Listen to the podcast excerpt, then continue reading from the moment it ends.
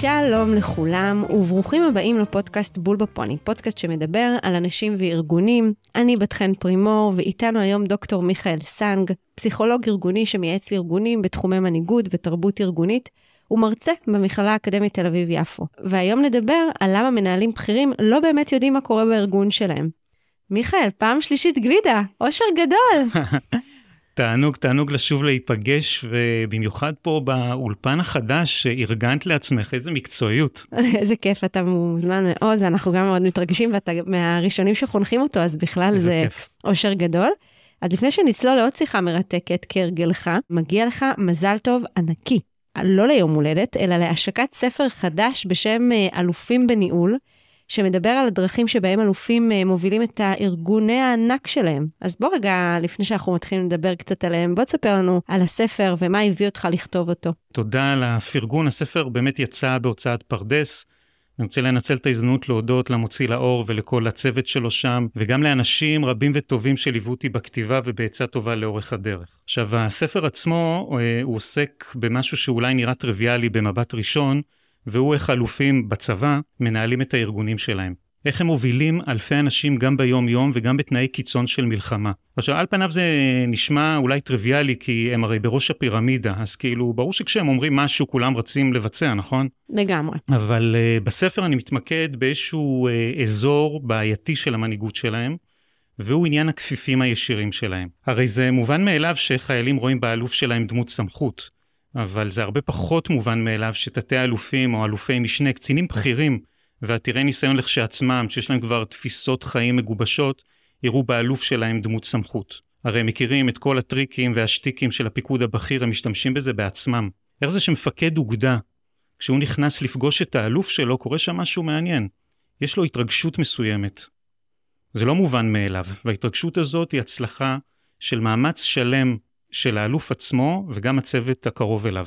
החלטתי לכתוב את הספר, ועוד לפני זה גם חשוב להגיד את uh, מחקר הדוקטורט שהוא חלק מרכזי ממנו, זה ששמתי לב שכיועץ ארגוני קורה לי משהו אחר בעבודה עם אלופים. בשנת 2011 התחלתי פעם ראשונה לעבוד עם אלוף כיועץ ארגוני, והייתי כבר יועץ ארגוני די, די מנוסה בשלב הזה. ובכל התפקידים שעשיתי, לפחות עם רוב המפקדים שעבדתי איתם, הצלחתי לבסס מערכת יחסים ייעוצית די אינטימית. אבל כאן פתאום הרגשתי איזשהו מחסום. ככל שהעמקתי בלנתח ולהבין את המחסום הזה, קלטתי שיש כאן למעשה. אה, מנגנון ארגוני שלם, שדואג להאדיר את האלוף ולבנות אותו כאיזושהי דמות שהיא דמות לא נגישה. שיותר ממה שהאלוף הוא בן אדם, הוא נבנה להיות מוסד. אני מאוד מתחברת לחוויה שאתה מרגיש, אני ממש אה, חוויתי אותה גם, ואתה בספר קורא למנגנון הזה, אתה קורא לו מנגנון האלוף. למה אתה מתכוון בעצם? תראי, המנגנון של האלוף הוא לב הספר, והמהלך הזה של יצירת סמכות עודפת עבור האלוף ביחס לקצינים הבכירים שכפופים אליו, זאת אומרת, איזושהי סמכות שהיא מעבר לסמכות שלהם. אה, זה דבר שאני מנתח ומסביר באמצעות המון המון סיפורים ואנקדוטות שמבוססות גם על הניסיון האישי שלי וגם על הניסיון של עשרות קצינים שפגשתי במסגרת המחקר וגם במסגרת השירות שלי בצבא. למשל, איך לשכות ובמיוחד ראשי לשכות, רל"שים, יוצרים האדרה לאלוף. או למשל, למה המנהלים נמצאים כל הזמן בישיבות וכמובן מתלוננים על חוסר האפקטיביות שלהם. אוקיי. אה, ספוילר, זה גם חלק ממנגנון ההדרה. ומהצד השני, הספר עוסק גם במה שלא כל כך עובד בדרגים הבכירים. אני מנתח את הבעייתיות של הניהול הבכיר, במקרה הזה של אלופים, בין השאר דרך התופעה הזאת של פסאדה. מה זה פסאדה? תנסי לחשוב כמה פעמים יצא לך להיות בישיבה שהציגו למנהל בכיר איזושהי מצגת שנוגעת לתהליך כזה או אחר, והמצגת שהם מציגים אה, מציגה את המצב כיותר חיובי ממה שהוא באמת. למשל שהדברים מתקדמים יותר מכפי שהם במציאות, או שיש איזשהן תחושות קשות של העובדים או של המנהלים בפרויקט, והתחושות האלה מטושטשות, או שלא בכלל מביאים אותם לדיון. וכולם מרגישים את זה. כולם מרגישים איזושהי אי נחת. ולכולם גם ברור שבסוף הישיבה הבוס יצא החוצה ויגיד לעצמו, וואלה, הכל סבבה. יש על מי לסמוך, הכל בסדר, והוא ימשיך לחיות באיזשהו גן עדן של שוטים. זאת הפסאדה. אם הנושא לדיון הוא למשל החלטה אסטרטגית או שינוי ארגוני עתידי, אז אני מסכים איתך, הבוסית שלי. אבל למעשה אני חושב שאת טועה.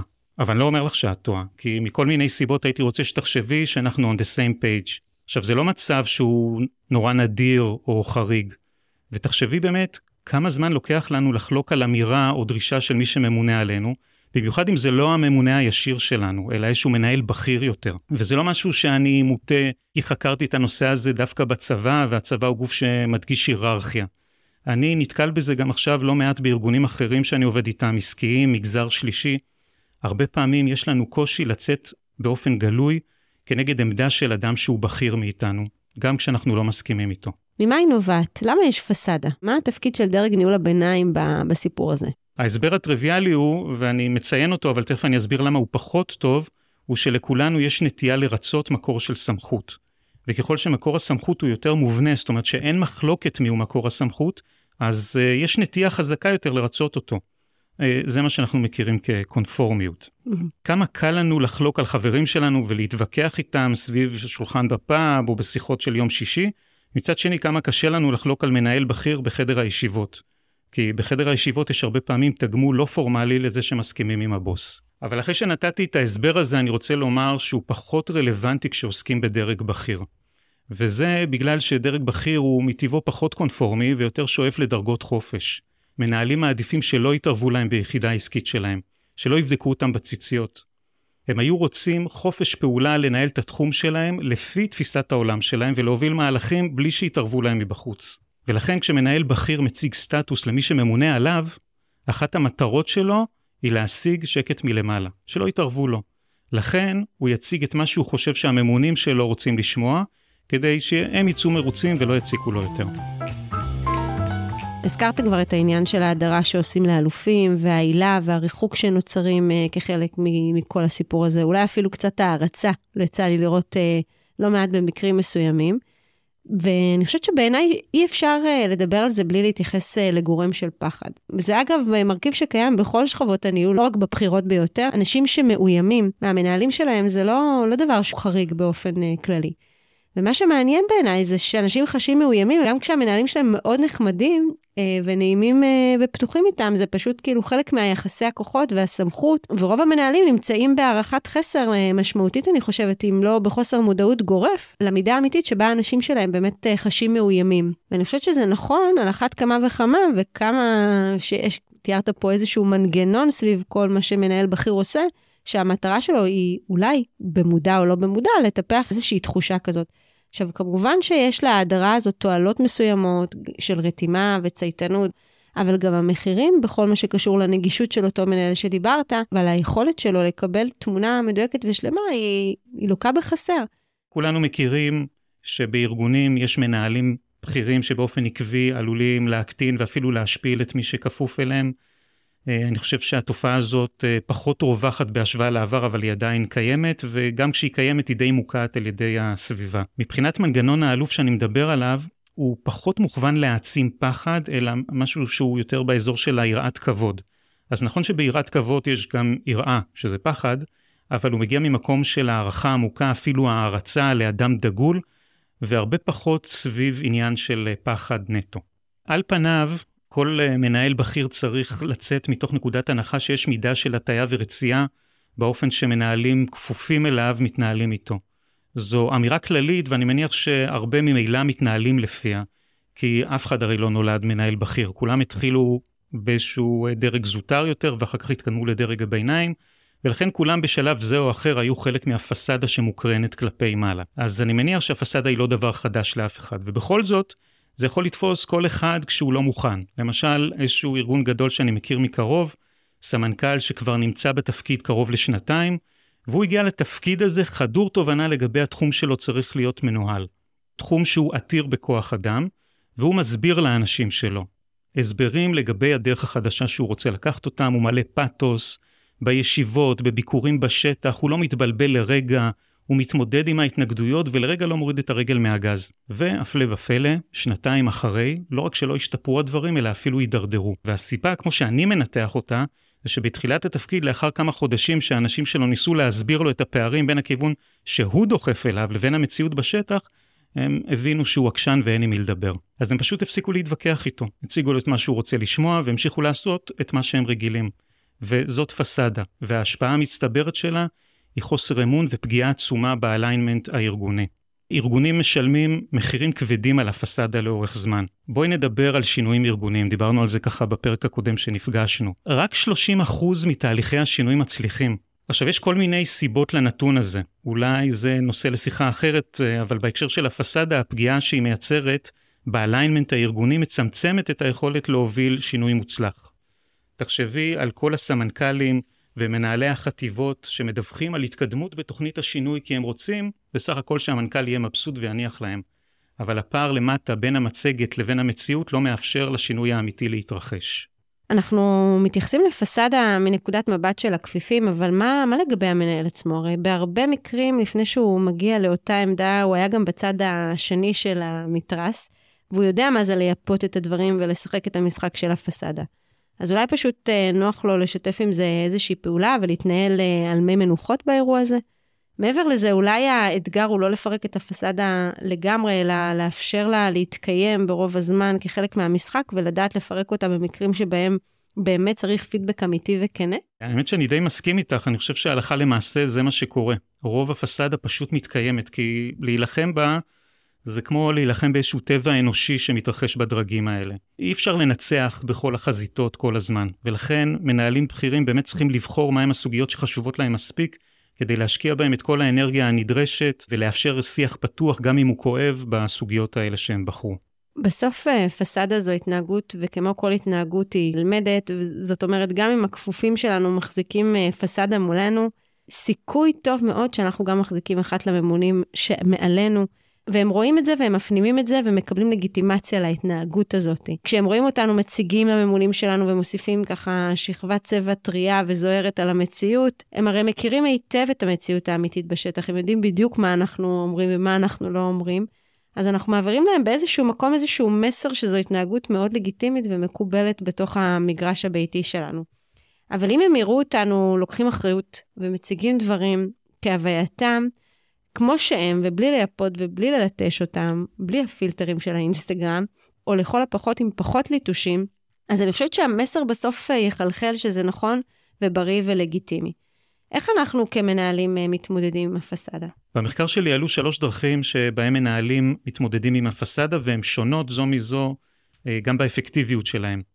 והשיטות הן עקיפת פסאדה, פירוק פסאדה ומינויים. הדרך הראשונה הנפוצה ביותר היא עקיפת פסאדה. והיא מתרחשת שמנהל בכיר בונה כל מיני ערוצי מידע חלופיים לערוצים הפורמליים בארגון.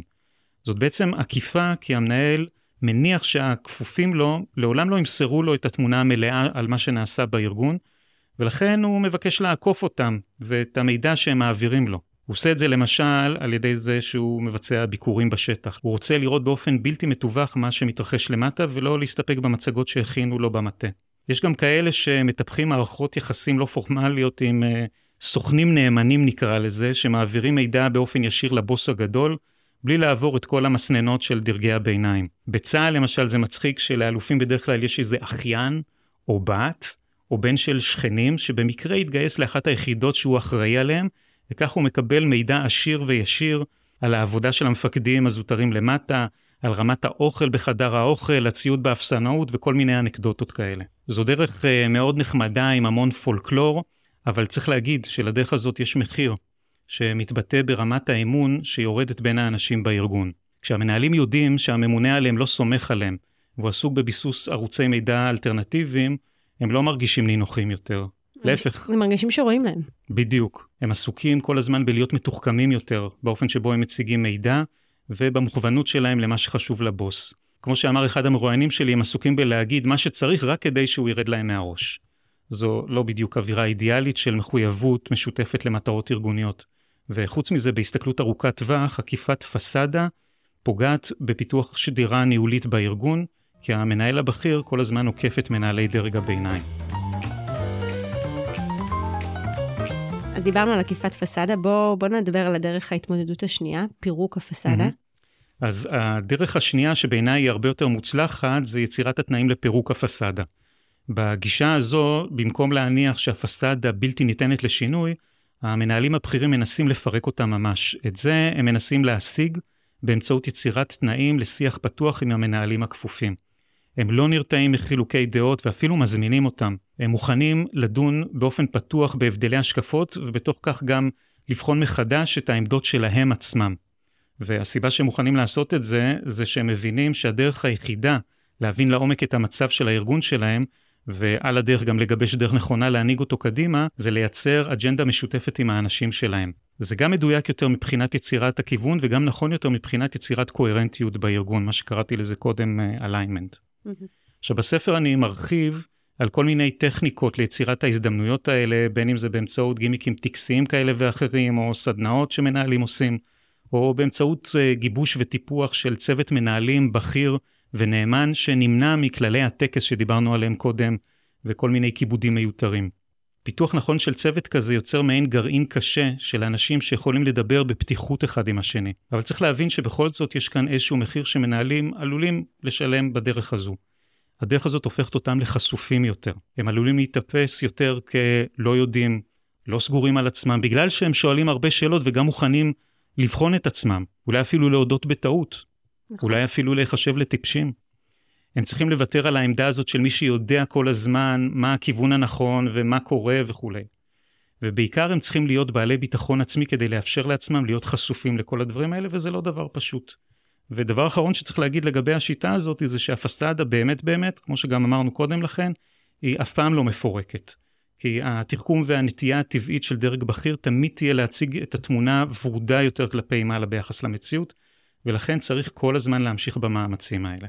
כאמירה כללית, אני חושבת שפורמליות אה, מדכאת כנות. כשיש בסוף איזה שהם כללי טקס, אנשים נשמעים להם ולא רוצים לשבור את המסגרת, וזה באמת הופך להיות הצגה הכי טובה בעיר. ומצד שני, אם ניקח את כל הפורמליות הזאת לצד ונשים יותר שיחות מסדרון, התייעצות, קבוצות חשיבה שהן קטנות, או ככה לתת מקום לשאלות שהן לא אה, מובנות, בהחלט ככה הם מורידים את המגננות ומאפשרים שיח שהוא פתוח יותר. אגב, מצאתי שיש כל מיני אה, מילים מטשטשות שהן מאוד נפוצות באירועים פורמליים, שיש בהם וואחד פסאדה. אנחנו מעריכים, אנחנו בודקים, אנחנו בוחנים, אנחנו שוקלים, כל מיני פעולות מתמשכות שאין להן איזושהי ככה פעולה קונקרטית בקצה שלהם. ברוב המקרים אגב, אלה לא צעדים ממשיים, אלא תיאורים אה, כלליים שנועדו לטשטש ולמשוך את הזמן, אלא גם עם הזדמנות אה, לייצר איזשהו סדר בפסאדה הזו ובדרך ההתעכבות על המילים האלה. איך אתם מעריכים, או מי אחראי על התהליך הזה, או מה הפרמטרים והתזות? אני מאוד אוהב את ההבחנה שלך בעניין הפורמליות שמדכאת כנות, אני מקבל אותה. צריך רק להבין שהפורמליות עוזרת לנו לעבור את היום בקלות. בסוף פורמליות היא נורמה, וכמו כל נורמה, כשאני יודע מה מצופה ממני בסביבה חברתית, זה יוצר לי סדר ומפחית חרדה. לכן פורמליות כמו פסאדה is here to stay. כמנהלים צריך בעיקר לדעת לבחור את הנקודות שבהן נכון להילחם בהן ולהסיר אותן. אז מיכאל, אנחנו מגיעים לשיטה האחרונה. אז השיטה האחרונה היא באמצעות מינויים של אנשים שאנחנו מכירים לתפקידים בכירים.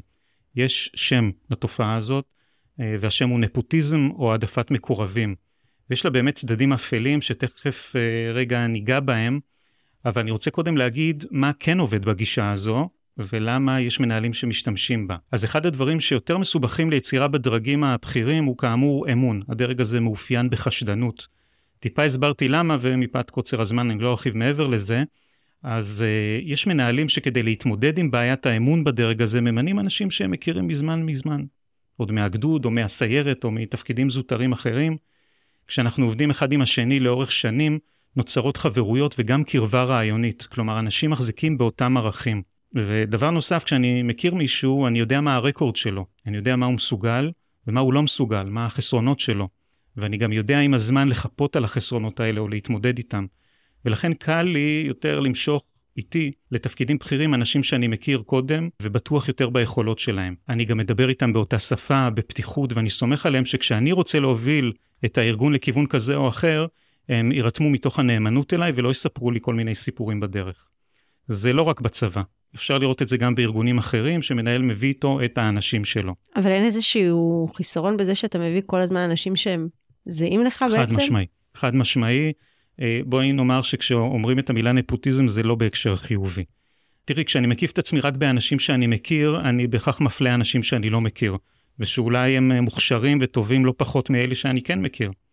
אני לא נותן הזדמנות שווה למי שבסך הכל התרע מזלו והוא לא פגש אותי כשהייתי מנהל צעיר. חוץ מזה, כשכולם מכירים אחד את השני, וזה עוד חיסרון בולט, זה שהסיכוי שהם יאתגרו אחד את השני בתפיסות הארגוניות, ובעצם האתגור הזה יפתחו את האחד לשני את התפיסה, אה, הסיכוי הזה כמובן יורד. אז באופן כללי צריך ממש ממש לקמץ במינויים מקורבים, אה, וגם אם לפעמים ממש נוח להביא ולמנות מישהו מהעבר שאנחנו כבר מכירים, צריך לחשוב טוב אם המחיר הארגוני והערכי שווה את זה. אני מאוד מתחברת לאמירה הזו, ואני חושבת שבסוף אה, גיוון זה משהו שהוא מאוד חשוב גם אה, באנשים שאנחנו מכירים וגם שלא, ואני רוצה להוסיף עוד דבר אחרון שמנהלים ומנהלות יכולים לתרגל בעיניי, וזה מתינות. אף אחד לא באמת נהנה שחולקים עליו ומאתגרים אותו, או שמציגים לו נתונים שלא הולמים את אה, מה שהוא מצפה לראות, או שמפרשים את ההנחיות שלו בצורה אחרת. ובהרבה פעמים זה, נק... זה נכווה לאותו מנהל אה, בכיר כאיום, שאם אה, נקשיב ונקבל, אז אנחנו ככה מראים איזשהו, איזושהי חולשה, ואולי לא מקפידים על משמעת כמו שצריך, ואני חושבת שבאמת אלה תחושות מאוד מורכבות למנהלים בכלל, ועל אחת כמה וכמה לבכירים, והתגובה שלנו, התגובות שלנו במצבים כאלה הן נוטות להיות יותר תוקפניות ומבטלות ופחות ענייניות וקשובות.